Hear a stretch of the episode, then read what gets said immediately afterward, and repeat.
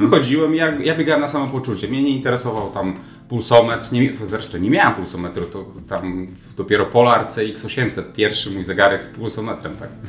E, więc tam na samopoczucie dobrze się czułem, więc tam ognia, tak. E, ale jak słabiej się czułem, to wolniej, tak. No i na tym wybiegałem 2.25-40 e, w maratonie. Słuchasz bieganie.pl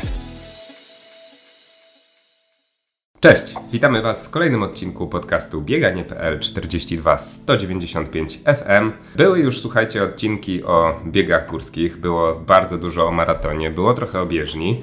Dlatego dzisiaj, żeby odwrócić tę tendencję, chciałem się trochę skupić na biegach długich, naprawdę długich i poflirtować trochę z tematem biegów ultra. Dlatego zaprosiłem e, do tego odcinka mistrza Polski w biegu na 100 km, Darka Nożyńskiego, który e, po tej setce w 6,5 godziny tegorocznej w Mistrzostwach Polski w Pabianicach następnego dnia chodzi podobno normalnie do pracy. Potwierdzasz? Cześć Darku. E, cześć. E, do pracy tak, potwierdzam. Mało tego, w ten sam dzień z Radkiem Gostkiem, który mnie zaportował na trasie, wróciliśmy sobie e, samochodem do Warszawy, więc nie było żadnej tragedii. Mam nadzieję, że podzielisz się z nami trochę informacjami o tym, jak w takim razie takie biegi typu setka chociażby, jak się na nie przygotować i jak je e, dobrze znosić. A drugim wątkiem, który chciałbym, żeby e, gdzieś tutaj wybrzmiał dosyć mocno w naszym e, podcaście, bo to jest też, wydaje mi się, bardzo ciekawa sprawa, jest bieganie po 40. No bo ty jesteś oprócz tego, że ultrasem, też bardzo dobrym maratończykiem. Masz już stażu biegowego około ponad nawet 20 lat chociaż nie zawsze mm, koncentrowałeś się właśnie na tych, y, czy na królewskim dystansie, czy na jeszcze dłuższych biegach, to jest raczej taka y, nowożytna ostatnia śpiewka. Natomiast y, jak patrzyłem na Twoją życiówkę w maratonie 2.24, no to ona już została właśnie nabiegana po 40 roku życia. Także chciałem dzisiaj, żebyś też podzielił się z nami trochę swoimi doświadczeniami jako trener, jako biegacz w tym aspekcie, bo wydaje mi się to e, bardzo ciekawe. Wytłumacz proszę może na początku e, mi i słuchaczom, jak do tego doszło, że e, Twój rekord życiowy z maratonu przyszedł po ponad 20 latach trenowania. No tak, generalnie ten rekord jest rzeczywiście z 2020 roku. Z Warszawy biegany na trasie po pętlach w lekkim deszczu, więc nie, do, nie na takiej łatwej trasie. E, natomiast ja samym maratonem biegam rzeczywiście już od, od 20 paru lat, natomiast samym maratonem to zająłem się w 2008 roku. E, to były takie moje pierwsze e, przygody z tym dystansem. Więc i, i, też nie, nie był to taki, taka przygoda typu, że wchodzę na całość, tylko to było takie popróbowanie sobie, jaki to jest dystans, jak się czuję, trochę eksperymentowanie w treningu. Więc oczywiście ten progres był stopniowy. Hmm. Natomiast wracając do tej życiówki sprzed roku, to ona była taka, że tak powiem, po drodze, po setce, tak? bo ja byłem 30 e, sierpnia, miałem 100 e, km, e, a maraton był dokładnie miesiąc po tym biegu. To było tak z rozpędu. No właśnie, no ale spójrzmy, spójrzmy na to szerzej, bo domyślam się, że jeżeli chodzi o biegi długie, jak popatrzymy się na życiówki E, elity światowej, no to wiesz, 35-40 lat to jest taki wiek, gdzie w maratonie i powyżej jest bardzo dużo biegaczy, którzy e, osiągają jakby szczyt swojej formy, tak? To e, pytanie do ciebie, czy, czy ty faktycznie też jakby musiałeś w cudzysłowie dojrzeć do tego, czy po prostu treningowo przez te pierwsze lata bardziej śrubowałeś krótsze dystanse? Dlaczego teraz ten maraton tak późno?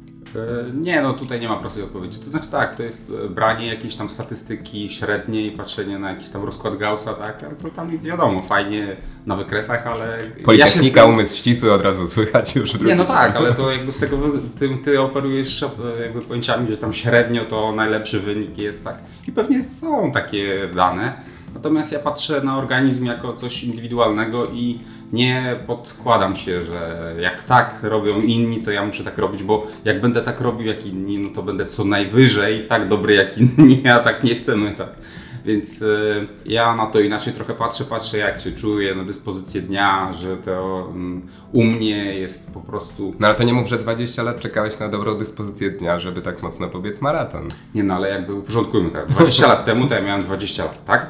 I 20, 20 lat temu to byłem na studiach, priorytet był nie bieganie, bo ja jestem, ja, ja nie jestem e, ze środowiska biegowego. Moje bieganie to jest czysto amatorskie, tak? Ja biegałem, studiowałem na Politechnice, w przerwach między imprezami i e, studiowaniem biegałem sobie, tak, luźno. Trochę w AZS-ie też biegałem, ale to dlatego, bo mnie wzięli, więc nie jakby z samej, e, z mojej inicjatywy, tak. Potem e, po studiach to przestałem trochę biegać kilka lat, bo tam inne znowu miałem priorytety. Potem jak już sobie tam ułożyłem różne tematy, to znowu trochę zacząłem. Biegałem głównie po Lesie Kabackim w Grand Prix Warszawy, więc nie były to starty nawet uliczne. Potem jak już były tam, no nie wiem, większe zapędy, to trochę zacząłem startować e, na ulicy w Warszawie tylko. No a potem poszedł, poszedłem w maraton, tak? Więc ta kariera to nie jest tak, że tam na początku coś żyłowałem, bo ja tam nic nie żyłowałem, tak? Biegałem sobie. No i tak stopniowo mm, złapałem takiego, no nie wiem, bakcyla, żeby e, ten dystans maratoński trochę podkręcać. No i oto wyszła taka życiówka. Opowiadasz tutaj trochę właśnie historię swoją mhm. od, e, od początku. Ja zastanawiam się tak jak Ciebie słucham, bo jesteś z zawodu programistą, cały czas prac... Nie, programistą nie, bardziej w informatyce pracuję, ale to nie jest... Okej. Okay.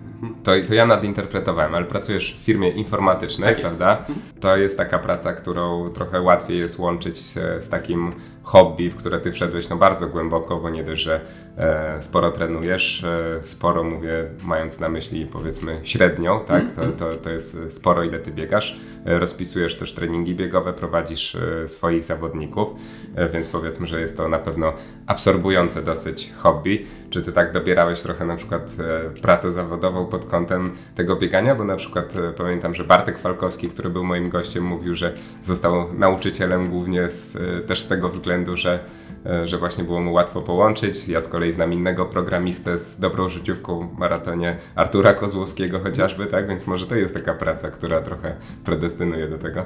E, nie, to zupełnie nie było tak. W liceum trochę biegałem rzeczywiście. Miałem tam nawet takiego lokalnego trenera i wbrew pozorom było pewne takie założenie, że ja pójdę w ogóle na AWF, tak? Na co w ogóle ja się zdziwiłem, mówię, nie, na AWF to ja w ogóle nie chcę, nie chcę iść, tak? Więc poszedłem na Politechnikę i w ogóle to nie było myślenia o karierze. Wiesz, to były inne trochę czasy, tak? To był, nie wiem, 99 rok, to tam nikt nie biegał. Tam ci, co biegali, to byli dziwni. E, teraz jest zupełnie inaczej. E, więc zupełnie nie było planu, że ja będę biegał. Ten, plan sam z siebie wszedł jako takie, nie wiem, rozwój hobby, tak? A jak coś lubisz, to po prostu nie trzeba do tego zmuszać. To samo jakby się nakręca. I to, co, o czym ty mówisz, że nie wiem, trenuję zawodników, że poświęcam dużo czasu, co też bym dyskutował, bo dużo to jest jakby nie, mm, niewymierne, tak? Ja wiem, trenuję półtorej godziny dziennie, to, czy to jest dużo? Pewnie dużo, bo jest to, nie wiem, 6 dni w tygodniu, tak? Dla przeciętnego amatora to jest tam, nie wiem, 3-4 dni w tygodniu to już jest dużo, e, więc zależy się z kim porównujemy. Natomiast absolutnie planów pod kątem biegania nie miałem żadnych, nawet więcej. E, ja patrzyłem na biegaczy z mojego, powiedzmy, e, tam, z moich czasów, no to był Robert Korzeniowski, tak? Znaczy ja go oglądałem jako tam młodziak, tak? I to było coś takiego nieosiągalnego, e, w sensie, że to były inne światy, tak? Ja uważałem, że to w ogóle są nieosiągalne światy dla takich amatorów, dla zwykłych ludzi. To są jacyś inni ludzie, tak? E, a patrząc na swój makroregion, jakieś takie lokalne biegi, to ja uważałem, że to jest takie naprawdę biedne środowisko które mi się kojarzyło, że to jest ciężka praca, nic z tego nie ma, w ogóle w to środowisko nie warto iść, bo z tego nie ma przyszłości, tak? I nie ciągnęło mnie to tak jakby w sensie takim zawodowym, tak? Wiedziałem, że ja chcę robić takie rzeczy bardziej z komputerami, rzeczy i takie. A ten pierwszy bakcyl, który, który złapałeś na bieganie, ten pierwszy kontakt w ogóle z bieganiem, to jak u Ciebie wyglądał? Czy to była taka klasyczna historia, że po prostu miałeś jakieś predyspozycje do tego sportu i ktoś to zauważył? Pan na WF-ie, wujek, ciocia, czy, mhm. E, czy sam miałeś taki wewnętrzny pociąg? Kto Cię popchnął w tą stronę? To, dokładnie tak. Była ósma klasa, chodziło na tak zwane SKS-y. To był taki o 16 wszyscy zostawali ci, co tam nie chcieli grać w kosza i żeśmy grali w kosza, ale e, miałem WF-istę e, Dariusza Durczyńskiego w szkole podstawowej. No mówię, ty masz trochę większą wytrzymałość niż tam inni. No i tam dał mi, nie wiem, jakiś trening typu, pamiętam, 8 km po stadionie. No i to było dla mnie, to był tak jak maraton teraz. Te 8 km nie kończyło się. E, no ale tam zrobiłem, e, no i tak się to generalnie zaczęło, że to już w to bieganie, bliżej tego biegania byłem, tak. Ale to jakby mm, trochę były predyspozycje na tle grupy, tak? No bo jeśli by, nie wiem, w tym momencie zdarzyło się 10 lepszych, to ja bym po prostu pewnie w to nie poszedł, czyli taki trochę, no, zrządzenie losu, przypadek, tak? Przyczepię się jeszcze e, takiego sformułowania, które powiedziałeś o tym, że w latach 90. E, biegacze to była zupełnie inna taka grupa, kto inny biegał. E, zastanawiam się, siedząc w tym od tylu lat i teraz jeszcze masz na pewno duże porównanie, dużą grupę statystyczną, no bo pracujesz na co dzień też e, z biegaczami, amatorami. E, jak byś porównał te, te dwie grupy, tych ludzi, którzy byli w latach 90. wokół biegania, a którzy są teraz? Czy to w ogóle jest jakiś wspólny mianownik? Wspólny mianownik pewnie jest jakiś, natomiast ja widzę różnicę, może od różnicy zacznijmy, tak? Znaczy, jak ktoś biegał, nie wiem, w 97 czy 98 roku, to biegał dlatego, że po prostu na pewno był przekonany, że chce to robić, bo tam nie było żadnych warunków sprzyjających. My się przebieraliśmy w takiej szatni, że byś po prostu się przyżegnał. E, nawet na studiach, jak byłem, się przebierałem w takiej szatni na skrze, to po prostu trzeba było na wdechu tam wejść i się przebrać. Więc to naprawdę tam żadnych warunków sprzyjających nie było. Ja się sam dziwiłem, że, że mnie to ciągnie. Więc trochę trzeba być takim freakiem było. Mm, bo teraz to wiesz, no, y, niektórzy biegają, żeby sobie zdjęcie zrobić, żeby być trendy, tak? Y, jakby inne trochę motywacje. Nie mówię, że to są złe motywacje, bo jeśli to idzie w bieganie i nikomu y, przy tym nie robi krzywdy, tak? A przy okazji spełnia swoje jakieś tam cele, typu, nie wiem, odchudzi się, poprawi zdrowie, to jest to ok. Więc jakby to, czym, czym się motywuje, nie jest dla mnie istotne. Natomiast na pewno była to inna motywacja. Tam nie było butów, nie było pięknych dresów, nie było jak ktoś biegał, to tam w ogóle idź i w ogóle tam się nie, nie chwal niczym, tak? Tylko to było takie to, to e, przygnębiające aż, bo my, nie wiem, ja w Przasnyszu tak e, trenowałem, to była taka bieżnia, ten biegacz to był na szarym końcu, żeby on tylko, aby nie zawracał głowy na, na tym stadionie, bo tam piłkarze grają, więc naprawdę tam wsparcia nie było. Zresztą jakbyś porozmawiał pewnie e, z takimi nawet e, obecnymi zawodowcami, którzy też w podobnym wieku są, to oni też to wiedzą, jakie tam warunki były i czasami o tym mówią, tak, że tam naprawdę trzeba być twardym charakterem, żeby to, no, no w to wejść i jakby jeszcze się tym jarać, tak. A jak ten sprzęt sobie wtedy organizowaliście, którego nie było, tak jak powiedziałeś? Pamiętasz te czasy, kiedy z bagażnika się gdzieś tam na biegach ulicznych kupowało jakieś nie, rzeczy? Nie, nie, ja to, to ja biegów ulicznych wtedy w ogóle nie dotykałem. Ja biegi uliczne to dopiero zacząłem po studiach e, tutaj w Warszawie. Wtedy to był jakiś tam bież, na bieżni, jakiś tam w Ostrołęce, makroregion, takie tam bieganie. Sprzęt załatwiał, yy, znaczy sprzęt, jakiś dres yy, i ortalion, żeby w zimę nie, nie marznąć, tak? No to załatwiał mi trener Lech Smoliński, bo u niego też tam powiedzmy trenowałem. A buty, no to buty to przyjechałem sobie do Warszawy autobusem, pojechałem do takiego Go Sportu na Ursynowie, wziąłem najładniej wyglądające buty i potem w nich upałem ileś lat, nie wiem. Ale to było bardziej w trampkach się biegało takich, no, aż ciężko pomyśleć. Biegacz spięty w ogóle, przecież ja biegałem tak, że i że tam się w niej połamało to wszystko, to cud. To dlaczego, jak myślisz, e, czego zabrakło, żebyśmy dzisiaj rozmawiali z Tobą jako takim wyczynowym, topowym biegaczem? Czy może byłeś ro rozproszony na te, na te inne sprawy, o których mówiłeś, czy może po prostu nie było aż tyle talentu w Tobie? Na szczęście nie miałem talentu, powiem tak. Bo ktoś, kto miał talent, został, że tak powiem, bardzo w, w pewnym momencie postawiony zapewne przed takim wyborem. No albo idę w całość w sport, no albo jednak idę w jakiś, nie wiem, biznes prywatny. Znaczy mówię docelowo, tak. No i niestety ci, co poszli w sport, no to żeby się z tego sportu utrzymywać, to sam wiesz, to trzeba być niedobrym, to trzeba być wybitnym, a już w dzisiejszych czasach to jakby się potwierdza. Oczywiście ja wtedy tego nie wiedziałem, to było trochę zrządzenie losu, żeby nie było, że to było tak chłodno zaplanowane. Ale na szczęście z perspektywy czasu mówię, że no, nie miałem talentu, bo gdybym miał jakiś taki lokalny, powiedzmy, większy talent, gdzie by ktoś mnie tam może zobaczył, gdybym to kontynuował, to niestety dziś by to było biednie z mojej strony, bo na pewno to nie był taki talent jak tam, nie wiem, teraz biegacze z zagranicy. Już nie mówiąc tam w Polsce nawet, tak?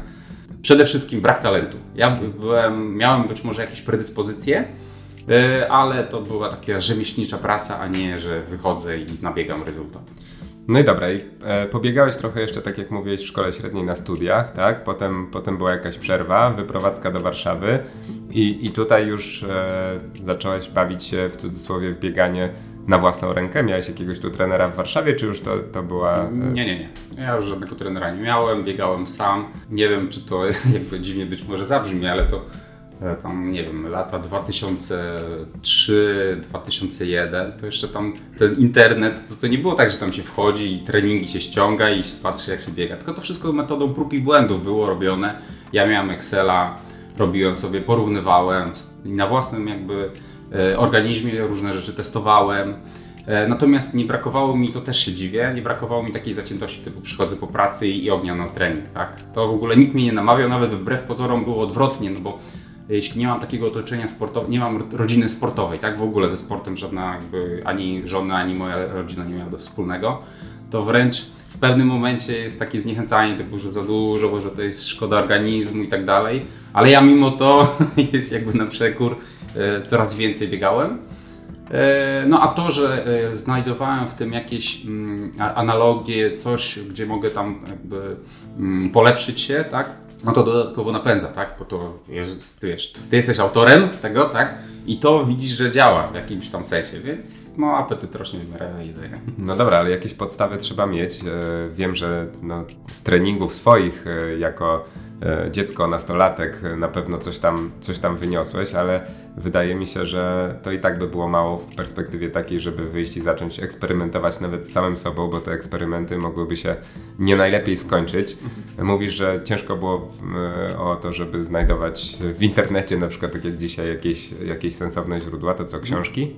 Nie. No, z książki to ja dopiero zacząłem tam, nie wiem, Lore of Running Oxford kupiłem, ale to było już po 2009 roku, tak.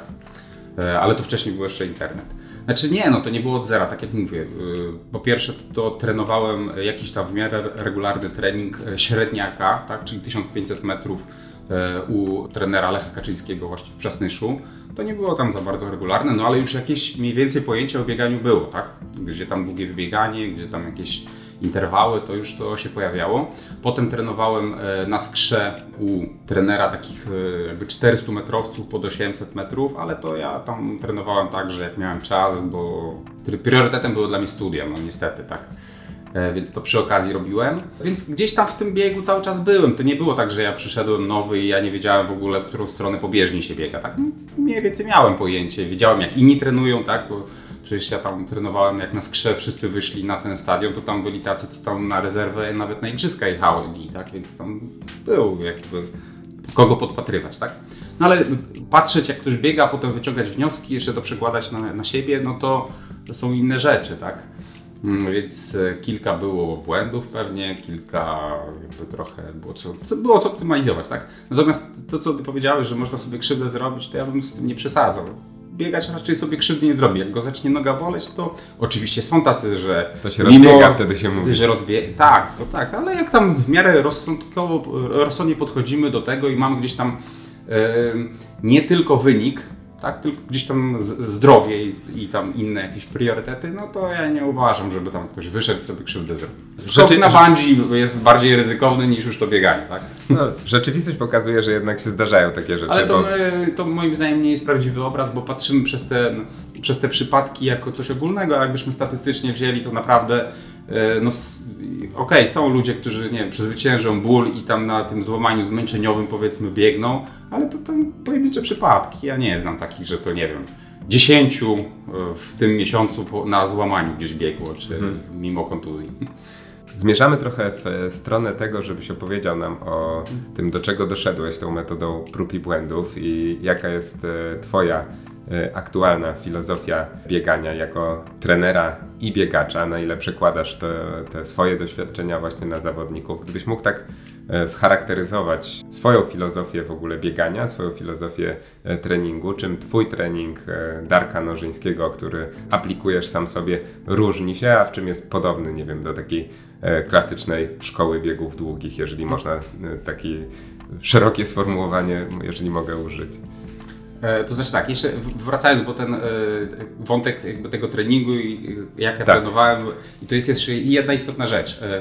Do 2015 roku to było moje jakby takie trenowanie, to było bardziej e, takie mocne trenowanie niż lekkie i trochę takie no, oparte na moc, mocnym bodźcowaniu e, organizmu.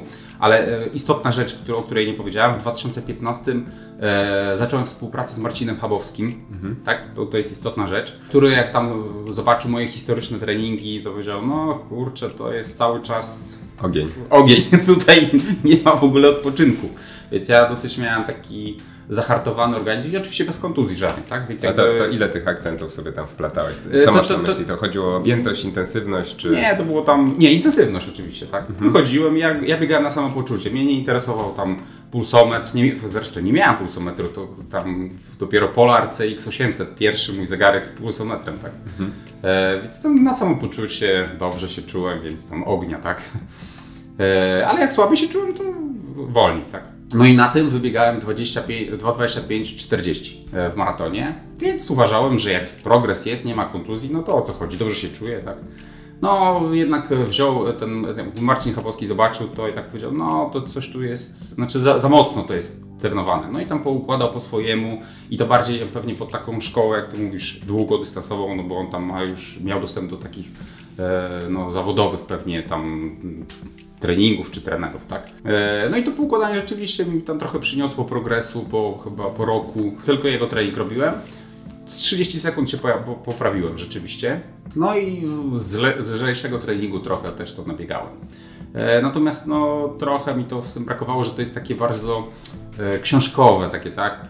Znaczy, ja uważałem, że to robią prawdopodobnie wszyscy, to co ja robię, więc mówię, nie, no to, jakby nie ma takiego, nie wiem, jakiegoś polotu, tak? Natomiast e, wyciągnąłem też z tego jakąś, jakieś tam wnioski i zobaczyłem, że to można trochę inaczej poustawiać. Tak? Więc, A ile ta współpraca trwała łącznie? Yy, trudno powiedzieć, ale pewnie z półtora roku. Nie, nie, chyba dwa lata, tylko że już na drugi rok nie zrobiłem życiówki w tym maratonie, na, na tym treningu. W sensie, że to dokładnie tak jak u innych typu. Pierwszy rok coś zadziałało, bo było coś odmiennego, ale niestety powtórzenie tego to już nie, nie, nie zadziałało. E, no ale to, to jakby potraktowałem jako dodatkowa jakby część wiedzy, którą sobie sam poukładam, mając doświadczenia moje i jakby to, co zobaczyłem. E, więc no ja, ja nie, nie trenuję książkowo, więc jak tam gdzieś ktoś książkę wyczytał Danielsa czy coś, to ja tylko tak czytam i patrzę, że no okej, okay, to tak sobie ludzie trenują i okej, okay, to jest. Jeśli coś działa, to nie ma problemu, tak? Natomiast do takich dystansów jak 100 kilometrów, myślę, że nie znajdziesz takiego treningu, że tam książkę i trenujemy. Bardziej są e, biegi pod, znaczy te treningi pod biegi górskie, a bieg górski to jest zupełnie inny bieg, tak? bo tam wy, tylko czas wysiłku się liczy, różne mięśnie pracują, nie ma tempa, więc... No tak, trzeba przypomnieć, że y, rozmawiamy z, faktycznie z ultrasem, ale wielu y, pewnie słuchaczy biegi ultra od razu kojarzy z jakimiś biegami terenowymi, natomiast Ty, Darek, zdecydowanie specjalizujesz się w bieganiu po płaskim tych dystansów, tak, prawda? Tak. To jest jakby typowe przedłużenie maratonu, a nie bieganie e, górskie. Bieganie gór... Znaczy ani jednego biegu górskiego nie zaliczyłem.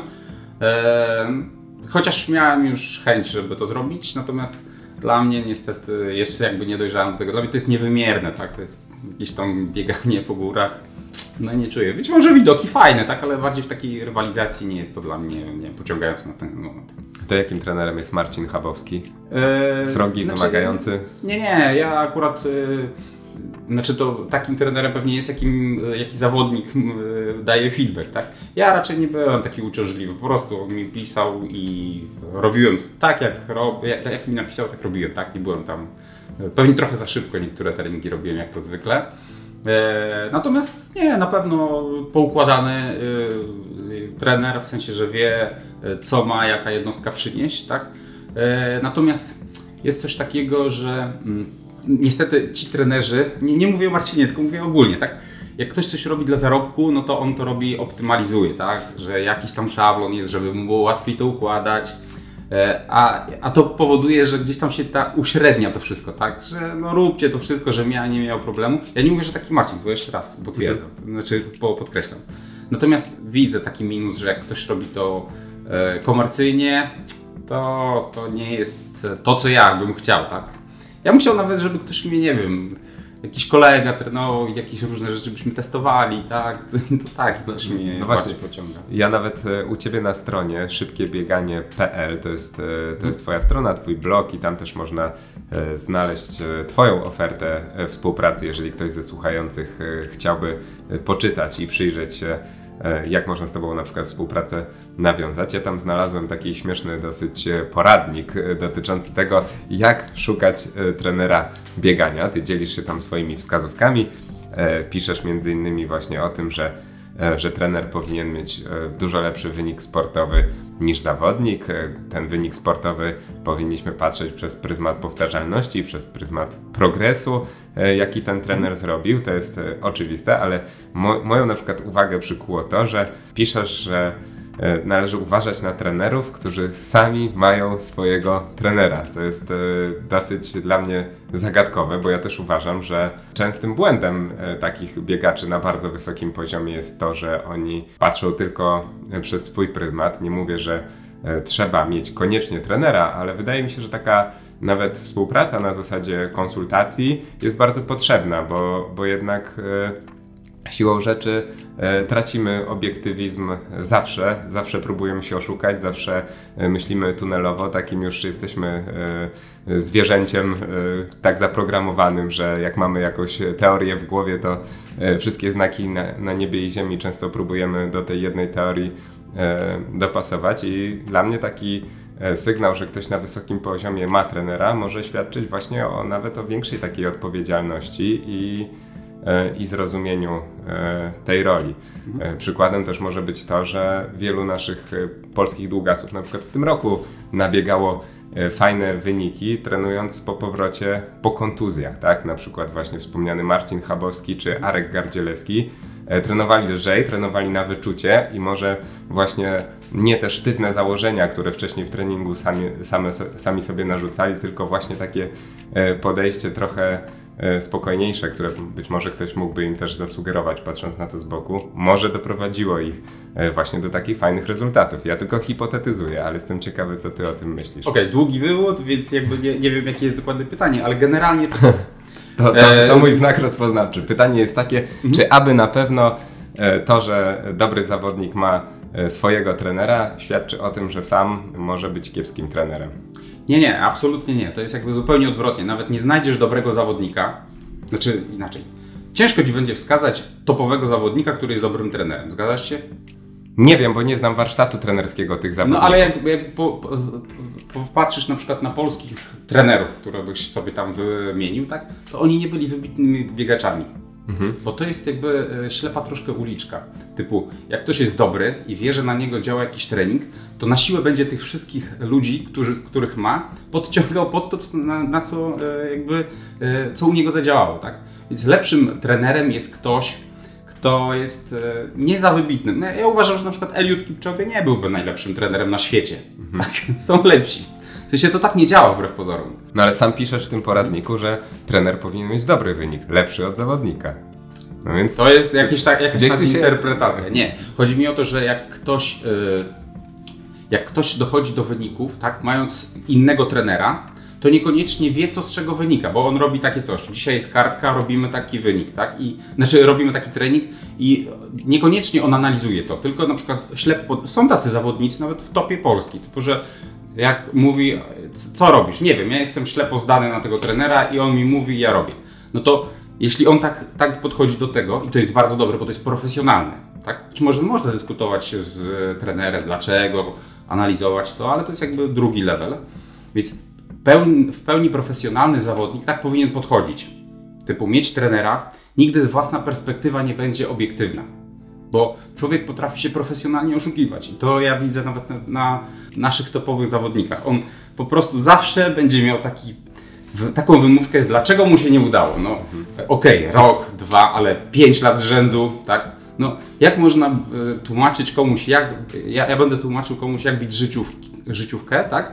Przy czym sam dążę do pobicia życiówki i od kilku lat w ogóle się z tym nie spotykam. Czyli jaka jest moja skuteczność? No za, żadna, tak. A miarą prawdy jest skuteczność, bo jeśli ktoś opowiada dobre i to w sensie takim logicznie, w sensie narracji, ale nie w sensie empirycznym e, rzeczy, no to możemy sobie porozmawiać, super, elegancko, wypić piwo, tak? Ale potem przychodzi praca i to się wszystko jakby nie, nie skleja, tak? Więc skuteczność to jest pierwsza miara jakby tego, kto co mówi. I teraz pod tym względem bardziej mówię, że jeśli e, jakiś wynik mamy, osiągnęliśmy go raz na 5 lat, to my nie wiemy, znaczy ta osoba nie wie z czego ten wynik wynika. Tak? Ona myśli, że to z treningu, ale powtarza trening i nie ma. Tak? I ona cały czas próbuje znaleźć ten czynnik, który na to wpływa, a potem przychodzi i mówi pech, zgubiłam trasę, nie wiem, głowa mnie bolała, potem przeziębienie, no i zawsze jest czynnik, który blokuje uzyskanie wyniku. A jakby ktoś wie, co z czego wynika, no to prewencyjnie zadziała, zrobimy tak, no i przygotowujemy się na konkretny, na, na konkretny dzień, a nie, nie trafiłem z formą, no to Przecież właśnie o, tym, o to w treningu chodzi, tak? Żeby trafić z formą, żeby się nie przeziębić przed maratonem, żeby się, nie wiem, kontuzji nie złapać. No to jest jakby całość. Trening to nie jest tylko wykonanie jednostki 10 razy 400 i ja zrobiłem trening. No i co z tego? No dobra, to nie brnijmy już e, w te niebezpieczne rejony, ale akurat taką pętelkę e, zakręciliśmy tutaj z powrotem do, do tego wątku, o który chciałem zapytać, czyli o, o ten twój trening i tą twoją filozofię. Słuchaczom może tak e, podpowiem tylko, że być może się mylę, ale tak mi się wydaje, że e, ty patrząc na to, że biegasz raz w roku maraton, ty w ogóle masz taki e, ten grafik, jeżeli chodzi o kalendarz startów, dosyć w ostatnich latach przewidywalny, bo tam zawsze jest maraton warszawski, zawsze są pabianice, tak, czyli, czyli ten bieg 100-kilometrowy plus wings, czyli można by powiedzieć, że ty trenujesz plus minus do takiego dystansu około 60, trochę więcej kilometrów, prawda? To, to, jest, e, to jest to, w czym Twój organizm się w danej chwili najlepiej odnajduje. Zgadzasz się? Tak, ale ten kalendarz wynika jakby z, jeszcze z innych czynników, tak? No, ja raczej na, mara- na wyjazdowe biegi to tak traktuję najlepiej bieg dla mnie to jest tam, wychodzę rano, biegnę i potem jestem w domu, tak? Niestety to, to życie prywatne jest istotniejsze, tak? Ja nie jestem taki, że tam jeżdżę gdzieś po, po świecie, e, więc no maraton w Warszawie jest jeden, tak? Jak był Orlen, no to sobie treningowo potrafiłem wystartować jeszcze w kwietniu, no ale jest jeden, no to startuję po prostu tam, tak? E, doszedł jakiś bieg 6-godzinny u Pawła Żuka, doszły Pabianice. No Pabianice to niestety wyszły dlatego z konieczności, bo nie ma gdzieś indziej ultra, które mógłbym się zmierzyć, a żeby było w Warszawie. E, czasami był tam na AWF-ie, tam chyba zaraz, tak? Mm, więc jakby ten kalendarz się sam układa. Natomiast inne rzeczy wychodzą treningowo, tak? Czasami pobiegnę jakiś półmaraton, jak, mi, jak się dobrze czuję i nie wiem, weekend mam wolny na przykład, tak? Ale to nie jest, że jakieś Wiesz, ja jestem amatorem, ja nie, ja nie, nie celuję w jakieś konkretne... No, teraz Mistrzostwa Polski były na setkę, no to dobra, przygotowywałem się pod konkretny termin, tak? Już wcześniej sobie to e, planowałem, ale tak to to jest trochę takie spontaniczne, tak? No tak, ale jesteś, e, jesteś amatorem, natomiast udaje Ci się e, naprawdę na wysokim poziomie łączyć to bieganie z, z pracą, jeszcze właśnie jak doliczyć do tego kwestię wieku, no to też jest naprawdę całkiem niezły wyczyn. Ty jesteś skromnym gościem, ale chciałbym, żebyś opowiedział trochę jak do tego dochodzisz, bo tak jak sam zauważyłeś, no łamiesz często schematy, tak? Zarówno łamiesz schematy w żywieniu, na przykład na ultra, łamiesz trochę schematy, jeżeli chodzi o trening, to wyjaśnij nam trochę w takim razie tą swoją filozofię w treningu, na czym ona bazuje, gdzie są te e, kroki milowe, które twoim zdaniem ciebie popychają najbardziej do przodu. To znaczy tak, e, czy łamię schematy? Nie wiem, czy łamię schematy. Ja po prostu wychodzę, i robię trening trochę na samopoczucie. Mam ogólny plan, co mniej więcej w tym treningu powinno się znaleźć. To znaczy wiem, że to nie można biegać cały czas wolno i długo, bo wiadomo, że muszą być jakieś akcenty, natomiast nie przesadzam z bodźcami. Patrzę na jakby na innych zawodników, że oni po prostu zaczynają i dwa razy dziennie trening, i góry do tego dodajmy, i interwały, i wszystko naraz. Tak według mnie, według mojej takiej filozofii, jak ja to sobie wyobrażam, to jest po prostu za dużo. Trzeba jak chcemy mieć długą karierę, tak, to trzeba to wszystko stopniowo wprowadzać, tak? bo organizm się oczywiście do wszystkiego zadoptuje, a potem nam zabraknie tych narzędzi, że tak powiem, do e, bodźcowania organizmu. Ja na tym się skupiam, że raczej mam rok i sobie ustawiam priorytet, że w tym roku to sobie będziemy biegali dużo w tlenie, ale to tak dużo, że po prostu organizm będzie to czuł, a dla mnie dużo to jest oczywiście, nie powiedzmy 400 parę kilometrów, e, może pod 500 kilometrów miesięcznie, oczywiście nie tam jak nasi zawodowcy, ale to jest, ja bazuję na jednym treningu, tak, więc e, też to jest inne trenowanie. Dla mnie dużo to nie oznacza dużo tygodniowo, tak, bo niestety e, 30 km przy dwóch treningach e, dziennie to nie jest jakoś ekstremalnie dla organizmu, tak? Ale 30 dziennie przy jednym treningu to już jest dużo. Więc to też trzeba na to spojrzeć. To też inny bodziec jest, tak? Bo to jest bez odpoczynku. E, no i plus jakieś nakładające się biegi dzień po dniu też mogą jakby zrobić robotę. E, więc może on, ten trening nie jest spektakularny tak z takiego punktu widzenia, nie wiem, dzienniczka treningowego czy jakiś tam statystyk. To on jest taki średni, tak? Ja maraton na 2,25 to biegałem przy 100 km tygodniowo, tak? No to dla innych to, to jest w ogóle jakaś słaby kilometraż, tak? Natomiast ja wiem, że czuję jakiś tam, jakąś poprawę, bo mam historyczne treningi, wiem w, danym okresie ile biegałem. I ja nie wysysam, że tak powiem, z tego treningu wszystko co mogę, tylko jak widzę, że już jest dobrze, że te prędkości są już y, lepsze, to po prostu kontynuuję spokojny trening, a nie tam dociskam, żeby nie wiadomo co. Ja generalnie jestem e, zwolennikiem takim, że lepiej troszkę nie dotrenować niż przetrenować i być jakimś przemęczonym, tak? Często oczywiście mi się to nie udaje w takim y, y, krótszym okresie, bo wiadomo, że tam no, dziś biegam interwał, ale jutro z chłopakami, tam nie wiem, z Darkiem Korzeniowskim z Accelerating ma też jakiś szybszy, no to tam trochę podkręcę tempo, mimo że powinienem biegać jakby no, zdroworozsądkowo easy. Ale to są takie krótkookresowe, yy, powiedzmy, zrywy, tak? Więc one w dłuższej perspektywie tam niewielkie mają znaczenie. Pisałeś też gdzieś, że czasami bazujesz na nakładających się akcentach. Mógłbyś podać kilka przykładów takich, mhm. takich właśnie nakładek? Tak, to taką zakładkę zrobiłem na przykład, nie wiem, w sierpniu przed Mistrzostwami Polski. Zrobiłem 46 km chyba E, po 3,40 mm, jednego dnia, a potem chyba ma półmaraton na drugi dzień. Nie pamiętam, też po 3,30 chyba. Mhm. Tak. E, więc i tam w miarę się też dobrze czułem. No, niestety do takiego e, długiego dystansu jak 100 km to e, no, trzeba być takim przyzwyczajonym, żeby nie wiem, po tej 50 to być takim no, e, zmęczenie skąpo-objawowe, żeby było tak, że czujesz, że zmęczony, ale że to jest dopiero połowa dystansu trudno to tak wytłumaczyć takiemu, takiej osobie, która e, nie biega, tak, że jak to po 50 km masz być niezmęczony. No trudno, ale tak, tak to trzeba w to celować, tak? Więc nie może dla Ciebie być, nie wiem, wyjście e, na trening i przebiegnięcie maratonu jakimś nie wiadomo czym, tak? I to bez picia, tak?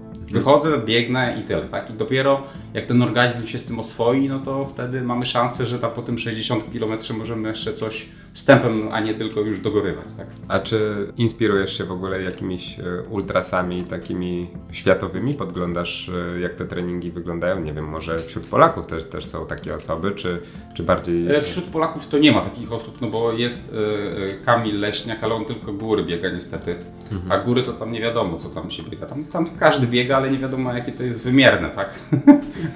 to znaczy, to, że ktoś wygrał, to, to nie wiadomo, czy to wynika z tego, że jest dobry, czy że e, była słaba obsada na przykład, tak? Ja tego nie potrafię, tak? Jak ktoś mi powie, że biega 2,7 w maratonie, to on już mi nie musi wiele mówić, tak? Ale to, że, nie wiem, jakiś bieg w górach pobiegł, to nie wiem, może dobrze, może słabo. E, natomiast takich ulicznych e, biegaczy to ja nie dostrzegam, żeby generalnie mało ludzi jakoś tak chce biegać to ultra po, po tym asfalcie. To, to jest trochę trudne, bo to e, znaczy trudne ze względu na to, że cały czas te same mięśnie pracują i w pewnym momencie to już może być chyba tam, znaczy mało wspólnego ze zdrowiem być Dlatego być może jest mało e, ten wybierany przez ludzi, ale generalnie to dobrze, że jeszcze nie ma na kim wzorować, to przynajmniej nie, nie masz takiego, wiesz, ograniczenia, typu, że a on kto robi taki trening, tak? No dobra, ale na tych zagraniczniaków patrzysz, gdzie w ogóle jest polskie płaskie ultra w e, stosunku do świata? Jaki tam jest poziom? No nie, no. Jak jest e, Jim Wonsley, no to on tam chyba biega 6-9 w okolicach rekordu, e, rekord świata tam 6, 6 godzin 9, no to jest 21 minut, to jest przepaść, tak? No ale z nim się nie, że tak powiem, nie porównuje, bo on też biega po jakichś górskich terenach trochę swój trening.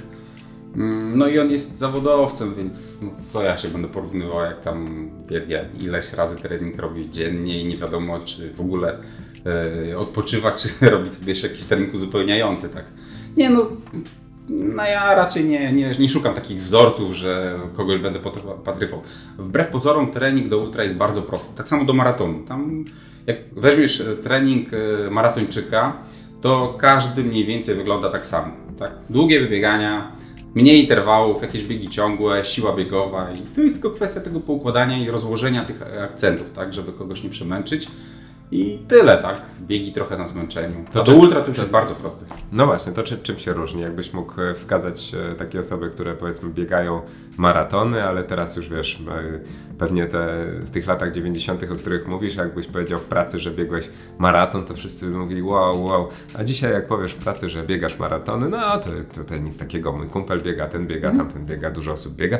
No ale w ultra, no to już tam jak się powie, że tam 100 km, czy nawet niektórzy więcej, no to już przy ekspresie w biurze mo można zrobić na paru osobach e, wrażenie, więc domyślam się, że kilku naszych e, słuchaczy e, też gdzieś tam powiedzmy e, z przeszłością maratońską myśli sobie o tym, żeby się przedłużyć, to czym ten trening do e, dłuższych dystansów tak naprawdę powinien się różnić? Wbrew pozorom, e, jeśli chodzi o to, że jak komuś powiesz tam, nie wiem, że biegasz maraton, to tak jak powiedziałeś, maraton to tam biega co drugi pewnie tam w Ursynowie. E, natomiast 100 km to jest na tyle abstrakcyjny dla przeciętnego człowieka, że on mówi, znaczy trudno mu to porównać, tak? E, po prostu mówi, no to bardzo długo i tyle, tak? W sensie, że oni jakby, nawet e, niektórzy myślą, że te 100 km to się biegnie marszobiegiem jakimś tam, się dostaje, coś się robi jeszcze, nie. Tak, więc to jest na tyle abstrakcyjne, że raczej nie robi to na ludziach wrażenia takiego, jako ciekawostka bardziej. Natomiast wracając do pytania, że jak trenować, tak? Mówię Gdyby maratończyk bardzo- chciał stać się ultrasem, to co musi zmienić w swoim treningu? no to jest bardzo prosty trening, e, który polega na tym, że jak przebiegniemy sobie maraton, to powinniśmy czuć, że nie jesteśmy wypompowani, tylko że w jakimś tam sensie moglibyśmy jeszcze tam coś pobiec. Być może nie od razu tam na mecie, że jeszcze bym mógł biec, ale powiedzmy, nie wiem, godzinka, odpoczywasz i mówisz, jest ok, tak? To znaczy, że jest jakaś tam predyspozycja, żeby biegać te dłuższe biegi. Natomiast całość polega na tym, żeby no, zahartować organizm do długotrwałego wysiłku. Czyli y, jak biegniemy 2,5 godziny maraton, no to w zasadzie jest dla organizmu niewiele, tak? bo tam się sporo dzieje, można psychikę zająć, tak? E, jakieś coś się dzieje na trasie, więc to jest dosyć szybkie. Ale jak już biegniemy 6 godzin, to to nie jest tak, że możemy sobie tam o czymś pomyśleć i, i że to zleci. Tak? To już trzeba być e, zahartowany, przede wszystkim głowa, tak? E, no bo to ciało, mięśnie to jakby jedna e, sprawa, też trzeba mieć e, no, wybiegane pewne kilometry. E, Natomiast głowa, tak? Bo głowa jak mówi, że o nie, już mi się nie chce, to wiele nie trzeba. Na takim zmęczeniu to można sobie tutaj motywacyjne mowy mówić przy, przed biegiem, ale jak przychodzi 60, 70 kilometr, to już naprawdę trzeba mieć takie mało miałkie argumenty, żeby się nie poddać. Jeszcze biegając na pętli, na której za, z, każdym, e, z każdą pętlą możesz stanąć, powiedz nie, ja już nie biegnę. Tak? Więc no niestety chyba głowa. To cytat z ciebie. Trening mentalny ma potężną moc i chociaż stosuję go w zupełnie autorskim wydaniu, nie przeczytawszy o tym żadnej książki czy artykułu, to widzę tutaj mega efekty i mega potencjał. To jak w takim razie sam trenujesz e, głowę? Znaczy, Autorskimi metodami. Ja tylko tak. Na podstawie obserwacji zauważyłem, że no i to było akurat u kilku czołowych maratończyków w Polsce w latach poprzednich, tak, że oni generalnie biegli, jakieś mieli kryzysy, 37, powiedzmy 40. Mówię, jak to jest możliwe, że człowiek na tych kilometrach umiera, tak, a potem ten 41 robi powiedzmy najszybszy y, kilometr w, w całym maratonie, tak? Więc to nie jest kwestia zmęczenia organizmu, tylko kwestia jakby zdobycia się na ten wysiłek, tak? Czyli musisz mieć, musisz się o coś dobrego takiego założyć, typu, że musisz to pokonać, tak? Więc e, albo jakiś nóż na gardle, typu jak tam, no nie wiem, w Kenii, tak? Oni jak nie zrobią dobrego wyniku, to nie istnieją, tak? A u nas, e, no, psychicznie podchodzą do tego e, większość jakby e, zawodników takich, że no dobra, jest ciężko, to najwyżej następnym razem. No ale to łatwo się mówi, a jak o tym, jak to zrobić? No nie, no to już trzeba mieć, to, to, to nie ma takiego ogólnego, e, nie wiem, ogólnej recepty, że sobie powiesz przed lustrem, nie, dziś muszę, tak? No to powiedz twoją chociaż, jak nie ogólną. Nie, to jest, to, to też nie jest tak, że moja jest, e, nie wiem, ja tu podaję na tacy. To jest na bazie takiej, że to są małymi kroczkami przy, na każdym treningu, że wiesz, przychodzisz z pracy, patrzysz, deszcz pada, zimno, najlepiej na jesieni, ciemno, tak? I mógłbyś sobie poleżeć przecież, tak? Ale mówisz, nie, ja muszę dzisiaj wyjść na trening, bo jak dziś sobie odpuszczę, to już tych, po tych 100 kilometrach to tam nie ma co marzyć. No i wychodzisz i potem biegniesz i im ciężej, tym mówisz, tym będziesz silniejszy, nie? No i to jest takie budowanie pewności siebie, typu, że wraz jakby z treningiem e, czujesz się coraz lepiej, czyli możesz więcej kilometrów pobiec, potem biegasz maraton jak na zawołanie, tak? Więc to też jakby wzmacnia psychikę. No i potem stajesz i mówisz dzisiaj po prostu nie zejdę z tej trasy, dopóki nie przebiegnę, tak? No i tyle. bardzo proste, bardzo prymitywne metody wbrew pozorom. Nie trzeba tutaj nie wiadomo czego. A im więcej przeciwności myślę, tym jest większa motywacja, żeby to, to zrobić. No dobra, to jeszcze poproszę o taką samą receptę odnośnie tego przygotowania ciała, bo powiedziałeś, że ciało musi być gotowe. Na to musimy być gotowi mięśniowo. Co zaaplikować w takim razie e, ciału względem treningu maratończyka? Do treningu ultra, żeby ono było gotowe? Czy to wystarczy prosta odpowiedź, więcej kilometrów? Mhm. E, tak, więcej kilometrów to było bardzo prosto, bo i każdy by od jutra zaczął biegać i, i, mamy to, tak? Podpuszczam Cię trochę. Nie, wiadomo, że nie, bo to tak. E, e, na, na wstępie trzeba jakby uporządkować e, swoje, no nie wiem, swoją technikę, tak? Żeby dołożyć kilometraż, to trzeba być gotowy na ten kilometraż. Typu jak ktoś, nie wiem, biega na przykład tam spięty, tak? Wie, że to jest jakby bardzo obciążające dla stawów i tak dalej no to będzie miał ciężko w ten kilometraż wejść bez ryzyka jakiejś tam kontuzji. Więc trzeba, mm, przynajmniej ja tak robiłem, tak? Najpierw skupiłem się na tym, żeby to żeby ten bieg był lekki, typu żeby to było tylko takie muskanie asfaltu, żeby to nie było jakieś e, minim, minimalne takie przyruchy tak zwane, czyli optymalizujemy tą technikę. Tak, żeby jak dołożę kilometraż, to nie muszę tam, nie wiem, łapać się za krzyż, czy po prostu w kolanie mi będzie strzykać. To jest bardzo mozolna praca i tej pracy nie widać. Natomiast no, trzeba mieć jakiś cel, tak? I na, najpierw na tym celu się skupiłem, a potem, jak już zobaczyłem, że, że ten bieg dla mnie nie wchodzi tak, że tak powiem, w ciało, tylko po prostu mięśnie bolą, bo, bo biegamy, tak? Ale to nie jest tam, że wchodzi mi, nie wiem, w kręgosłup czy w stawy, no to już wtedy można eksperymentować z kilometrażem. Mówię w, w pojedynczej jednostce, nie na przestrzeni tam miesiąca. No i w miarę tego przedłużamy to, przedłużamy, aż jest granica jakby zmęczenia. Tej granicy tak bardzo nie przekraczamy, ale staramy się jednak trochę przetrenowywać mięsień, bo w jakiś stopniu musi być bodziec zrobiony, tak? No i dochodzimy do pewnej granicy, że nie wiem, no, e, pewnie komuś trudno sobie to wyobrazić, ale no ja po 46 kilometrach e, bieganych tam koło siebie domu no, przychodzę i tak naprawdę nie jestem jakoś mega zmęczony. Ale to nie jest jakby kwestia pojedynczego treningu, tylko stopniowego budowania jakiejś tam e, odporności na to, tak? No właśnie i jestem ciekawy, na ile można taką e, optymalną e, optymalne przygotowanie, optymalną formę do biegów ultra osiągnąć, bo ty na przykład w tym roku e, biegałeś e, maraton warszawski miesiąc po tych Mistrzostwach Polski w Pabianicach, gdzie przypomnijmy 100 km przebiegłeś w średnim tempie 3,54. To już jest naprawdę e, niezły wyczyn a potem przebiegłeś Warszawę w bardzo ciężkich warunkach, bo to był e, dosyć gorący dzień jak na maraton. Bieg był w dużej mierze samotny. E, w, z czasem 2.25.50, czyli to jest tak naprawdę e, tylko minuta wolniej od Twojej e, życiówki. To jak udało Ci się tak e, przedłużyć tą formę, tą dyspozycję? Co Ty robiłeś pomiędzy tymi startami? Nie, no właśnie się nie udało, bo ja, biegał, ja biegłem na życiówkę. znaczy, nie, no to... Znaczy wiesz, e, porównując swoją życiówkę z rok wcześniej, gdzie było to na pętli, owszem, to nie były też super warunki, ale miałeś mocną grupę, z którą biegłeś, która cię długo ciągnęła. E, tutaj no, biegłeś, e, biegłeś praktycznie samotnie, warunki były naprawdę niełatwe, więc ta minuta, miesiąc po, po tak dużym wysiłku, tym 100-kilometrowym, gdzieś tam, gdzie na pewno też otarłeś się o granice swoich możliwości, no bo nie wierzę, że tam odpuszczałeś, to jest naprawdę bardzo dobry wynik. Nie, no ale to teraz to podchodzimy do tego tak, że wiesz, e, siadamy z trenerem i uzasadniamy, dlaczego to miało, nie miało się prawa udać. Ja tak nie podchodzę, to po prostu biegłem na życiówkę i powinna być życiówka i tyle, tak? A to, że tam były zawsze warunki niesprzyjające, czy zawsze jakieś wytłumaczenie, to zawsze jest, tak? E, rok temu się udało, więc teraz powinno też się udać. E, Natomiast e, rzeczywiście po, miesiąc po 100 kilometrach, no to raczej się takich rzeczy nie robi. Ale tak jak Ci powiedziałem, przywołując średnią, że ludzie biegają, nie wiem, jeden mocny maraton w roku, to są jakieś opowieści, no, na kogoś tam działa, ktoś ma słaby organizm. W ultra trzeba być po prostu mocnym organizmem. To nie, nie może być e, słabość, tak? Więc jak zwiększasz e, obciążenie, to organizm się adaptuje, organizm się jest w stanie zaadaptować naprawdę do nieprawdopodobnych wysiłków. Jak patrzysz sobie tam na tych Kara, Roberta Karasia i tych innych, to w ogóle nawet ja, tak jak spojrzę, to mówię, nie wiem jak to jest możliwe. E, więc e, nie, nie czujesz tej granicy.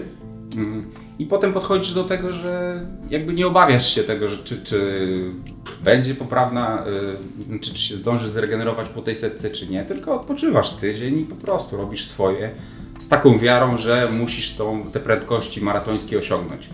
To, że to tam dla jakiegoś trenera, nie wiem, byśmy usiedli po setce i powiedzieli, czy to się da zrobić, czy nie, no to pewnie po tej lewej stronie, gdzie będzie nie, no to wypiszesz tam ileś rzeczy i w pewnym momencie nawet można w to uwierzyć, że się nie da, ale jak już w to uwierzysz i uzasadnisz, że się nie da, no to już nie ma co trenować, tak? Więc y, ja wiem, że to brzmi trochę tak jak oszukiwanie siebie, ale niestety tak trzeba robić.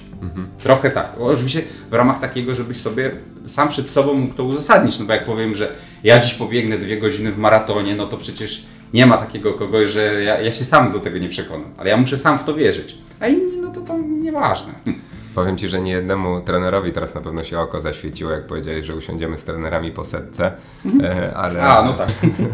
ale e, chciałem się jeszcze Ciebie zapytać, bo e, na przykład na tym wspomnianym maratonie warszawskim, żeby jeszcze obronić moją teorię, e, no tam padło kilku takich zawodników, którzy raczej mają predyspozycję do biegania w wysokich temperaturach, czyli chłopaków z Kenii, którzy przyjechali tu się ścigać, a ja byłem naocznym świadkiem, jak Ty mijałeś tam co najmniej e, dwóch, jak e, wozy z węglem już e, koło 30 kilometra e, oni nie dali rady. I chciałem się Ciebie zapytać, już odchodząc od tych kwestii treningowych, e, co Ty sądzisz o tym jako taki mm, no, dosyć wierny biegacz, e, tak jak powiedziałeś, e, uczestnik maratonów e, warszawskich, że e, taka impreza duża e, jak maraton warszawski, tak naprawdę, która powinna być w sumie wizytówką maratońską e, całego naszego kraju, ma taki mizerny poziom sportowy tak naprawdę, no bo o ile 2020 był rokiem specyficznym covidowym i chwała za to, że w ogóle się udało ten maraton w jakiejkolwiek formie przeprowadzić, tak już ten rok, jeżeli chodzi i o wyniki e, maratonu i półmaratonu, no to ty nie miałeś z kim tam specjalnie e, pobiegać, a w półmaratonie no to były takie wyniki, że chyba tam e, parę tygodni wcześniej, jak byłem na maratonie, półmaratonie Marzanny, no to, to było, było dużo mocniejsze bieganie. Nie obciach taki trochę? To znaczy tak, tutaj dwie rzeczy porównałeś. Poziom to ja raczej odnoszę do tego tam, nie wiem, top 3, tak? To to jest poziom. E, Natomiast moje bieganie, no to jest, umówmy się, 2,25 to raczej to tam jest środek stawki w takich no, sta maratonach takich większych, tak?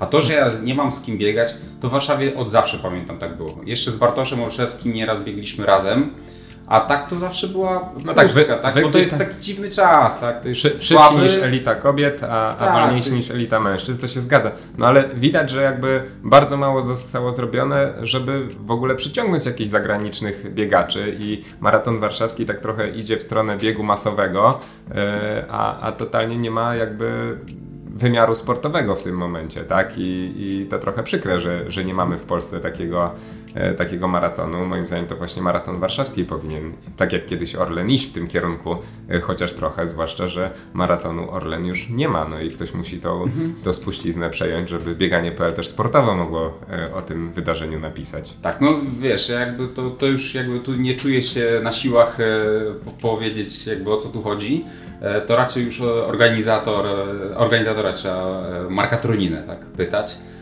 w jakim to kierunku idzie i jakie są tutaj cele. E, Natomiast ja na to patrzę jako takie wydarzenie sportowe, w którym ja mam do osiągnięcia jakiś cel, tak? E, To ja, ja nie patrzę jako tak, wiesz, e, ogólnie na imprezę. E, Bo ja to, co przede mną albo to, co za mną, to tak się trochę wyizolowuję, tak? E, Patrzę, gdzie ja jestem i tyle. A to, że nie mam z kim biec, nie pamiętam, naprawdę mm, już dawno temu z Bartoszem biegliśmy razem, a tak to, to tak, moja, mój czas niestety jest taki, no tak jak powiedziałeś, luka, tak? Tam się zawsze biegnie czasówkę. No fajnie, fajnie by było popatrzeć, no, no jeżeli ciebie, ciebie nie interesuje to, to otoczenie makro, no to nawet chociaż dla kibiców, nie? Żeby jacyś Kenijczycy, nie tylko tacy spod żabki, jak ostatnio mhm. startowali. Ale to jest ale... chyba kwestia, nie wiem, no, kwestia nagród, tak? No, wydaje mi się, że właśnie warunków takich, tak? E, może termin nie jest zbyt korzystny, bo on się bardzo mocno pokrywa z maratonem w, Berliny, mhm. w Berlinie, który jest bardzo blisko, tak? tak. E, też geograficznie po prostu i no, jest na pewno dużo atrakcyjniejszy dla, atrakcyjniejszy dla biegaczy, natomiast no, pewnie dałoby się coś więcej zrobić i, i fajnie by było tak naprawdę, żeby tutaj jakieś porządne bieganie sportowe w Warszawie było, ale odchodzimy od, od tych kwestii organizacyjnych. Powiedz jeszcze, jak jesteśmy przy maratonie w warszawskim, to czy e, bardziej lepiej wspominasz podbieg na Krajewskiego czy na Belwederską? Okej, okay, to drażliwy temat. Generalnie podbiegi są dla mnie no jakiś. E, no nie, nie jestem tutaj za dobry mm, w tym. Podbiegi na Krajewskiego były pewnie gorsze, dlatego że były później, tak? E, więc one już e, bardziej się dały odczuć. Mm, no źle wspominam te podbiegi, mm, więc tutaj wiele nie powiem dobrego. 1-0 dla Krajewskiego, tak? Tak jest, no niestety. E, a co najbardziej siada właśnie tak w cudzysłowie po, po biegowemu mówiąc właśnie w biegu na setkę, co jest takim czynnikiem, który że tak powiem, spowalnia zawodnika? Czy to jest jakieś odwodnienie, pozbawienie, nie wiem, e, mikroskładników, czy zniszczenie takie mięśniowe? E, zwyczajnie jak ty to odczuwasz? Pewnie zniszczenie mięśniowe jest najwięcej, tak? No bo niestety tych kroków robi się e, bardzo dużo. A odwodnienie, no w zależności od. Ja, ja trzy razy biegałem w Pabianicach, raz 70, a potem dwa razy po 100. I te warunki były za każdym razem inne. Na pewno trzeba bardzo dbać właśnie o takie uzupełnianie e, elektrolitów i płynów. Ja o to za bardzo nie dbam, ale jest to jakby pole do optymalizacji. Natomiast ja jestem trochę też zahartowany, to co tam, nie wiem, e, niektórzy piszą, że trzeba, nie wiem, z butelką wody na długie wybiegania biec, no to właśnie według mnie odwrotnie powinno być. Powinniśmy ten organizm tak zahartować, żeby on był ekonomiczny. Ja jak biegnę, nie wiem, maraton, to ja potrafię tam, nie wiem, o łyku wody popiec, tak? E, I to w lato mówimy, w sierpniu. Więc y, trochę trzeba y, bodźcować organizm też pod takim kątem, żeby on był, y, nie dostarczać mu tak jakby, mm, takich na zawołanie i picia i jedzenia, więc on się też w, ten sposób jakoś dostosowuje. Dlatego ja jestem na przykład tak mało spożywam podczas biegu, tak. Ale to, to, wynika z tego, że ja nie mam osoby, która jedzie ze mną na rowerze i mi podaje bidon co, co kilometr, bo jakby tak, jakbym tak miał, tak, to było fajne z punktu widzenia treningowego. Natomiast na zawodach byśmy musieli też to powtórzyć, tak. Wiesz, ale e, to aż jest zaskakujące. Ja przynajmniej byłem zaskoczony, jak czytałem, bo wiem, że jakby E, czy, czy kwestie nawodnienia, czy odżywienia, dostarczenia węglowodanów, e, czy nawet tłuszczów w przypadku jakichś wolniejszych, a bardzo długich e, biegów są właśnie kluczowe im dłuższy bieg, tym one mają większe znaczenie. Y, a ty pamiętam po Pabianicach mówiłeś, że ty e, nie stosowałeś żadnych żeli i w zasadzie wszystko, co, co przyjmowałeś, to były płyny. Zastanawiam się, czy te izotoniki, e, czy tam węglowodany w płynie, to ty liczyłeś te kalorie, miałeś jakąś taką strategię, nie. czy po prostu na żywca? Było zrobione ileś tam picia, powiedzmy. I e, akurat tam byłem z Radkiem Gostkiem, miał mi podawać tak, jak będę chciał. Niestety ja mam tak, że y, jak zaczynam biec, to nie mam w ogóle takiego, mm, takiej potrzeby, żeby coś jeść. Wbrew pozorom jakby jest odwrotnie. Typu, że jak pomyślę, że mam coś zjeść, to raczej mam taki odruch e, zwrotny. Więc e, przerzuciłem się od pewnego momentu na picie. No a to picie po prostu staram się dużo pić, ale nie tak, żeby mi to przeszkadzało. No i sumarycznie ileś tego wyjdzie, tak? No, nie, nie mogę na, na siłę pić. Ja wiem, że niektórzy są, potrafią się zmusić, natomiast przy tym tempie nie da rady tak jakby nadmiarowość napić, no bo to wtedy się wszystko sypie. Więc postawiłem e, trochę, być może no, nienaukowo, tak, że to wyliczenia wyliczeniami, że muszę ileś przyjąć, ok, to tam sobie patrzyłem, mówię, no to jest nierealne, więc zrobimy tak, żeby się dobrze biegło i Biegnie- A, a nierealne to znaczy, że ile byś musiał, żeby to było zgodnie Nie, z... no to tam jest po prostu żel, co ile tam było? Kurczę, co 7 km chyba trzeba byłoby żel jeść. No to jak ja bym tyle na 100 km zjadł, to gdzie? przecież jest niemożliwe. E, a picie tak samo, jak tam sobie policzyłem, to nie, nierealne liczby generalnie wyszły, jeśli chodzi o mój organizm. Cysterna izotoniku. No tak, to, to przecież trzeba byłoby tam, nie wiem, co okrążenie na w Pabianicach to, to pić z z 0,3. Eee, więc uznałem, że po prostu muszę być w komforcie, żeby mi to nie przeszkadzało. W sensie nie, nie mogę się zajmować, że ja za mało piję. Tak? Nie mogę się tym przejmować. To nie może być w głowie mój, mój pro, główny problem. I biegnę na samopoczucie. No i jak widać, da, da radę. Tak? Znaczy sprawdza się. Ja też uważam, że ludzie jak idą w coś nieznanego, to e, szukają takiego oparcia, typu właśnie, że coś w książce wyczyta, no i jednak to jest prawda, bo coś tam jest w książce wyczytane. Natomiast w dzisiejszych czasach, no to trzeba naukę traktować jako coś, e, jako, jako narzędzie, tak? Ale to nie jest jakby wyznacznik, bo trzeba pamiętać, że to jest robione na jakiejś próbie, że to jest gdzieś uśrednione, że tam też jakieś metody badawcze to tam są przy pewnych założeniach. Nie wiem, być może na bieżni ktoś był w idealnych warunkach. E, A życie życiem trzeba wszystkie rzeczy testować. Oczywiście Od- trzeba zwracać na to uwagę. Nie mówię, że to, to, co tam jest napisane, to jest złe gdzieś tam w książkach czy w internecie. No to lepiej to sprawdzić.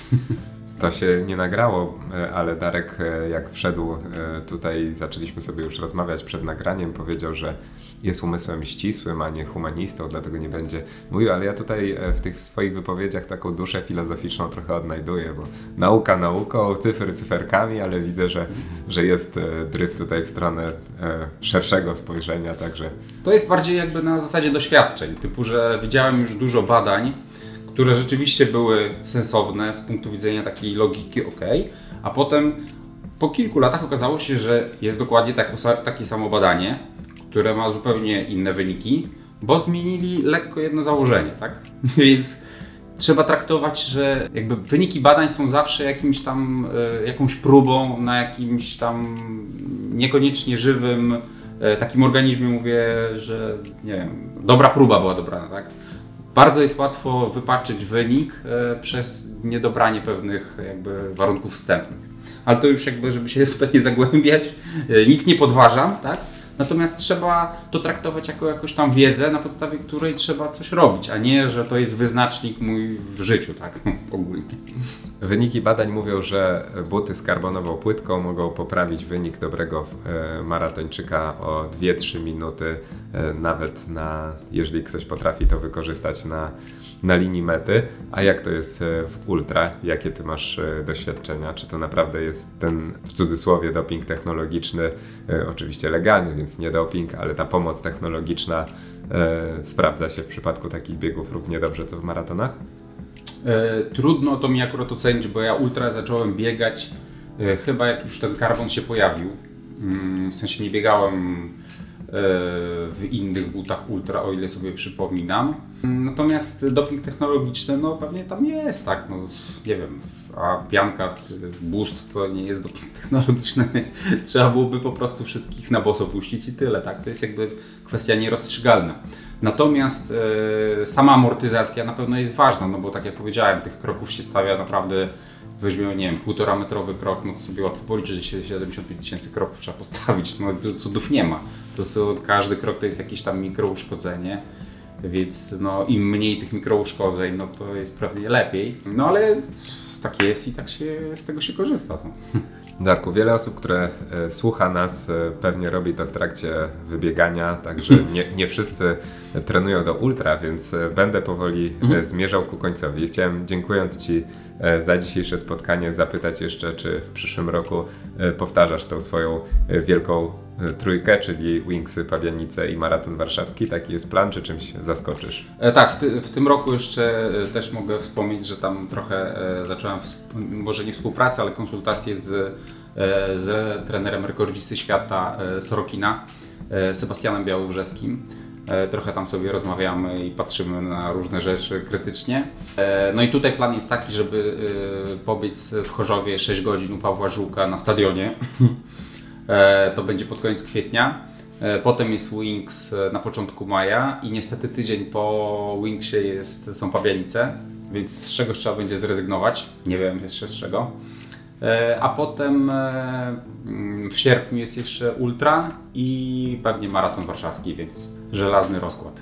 Jesienny. Dobra, to my życzymy powodzenia. Oczywiście trzymamy kciuki i będziemy Cię obserwować, obserwować ten przyszły rok i, i to, co tam się E, na tych biegach e, wydarzy. E, dziękuję też słuchaczom za to, że byliście z nami. Dajcie proszę znać, jak podobała się ta rozmowa i prześlijcie kolegom, ultrasom, maratończykom i nie tylko do odsłuchania. Dziękuję jeszcze raz Darek za rozmowę. Dzięki, dzięki. A ja tymczasem muszę się zbierać, bo za godzinkę mam pociąg do Słupska, aby nagrać dla Was jeszcze świąteczny odcinek. Na razie nie zdradzę z kim, ale ci, którzy znają tam polską historię maratonu, to może wiedzą, jaki maratończyk e, w Słupsku e, i w okolicach mieszka. Zostawiam Was z tym. Dziękuję bardzo za dzisiaj i życzę wszystkiego dobrego. Historie zbieganie.pl współtworzy New Balance.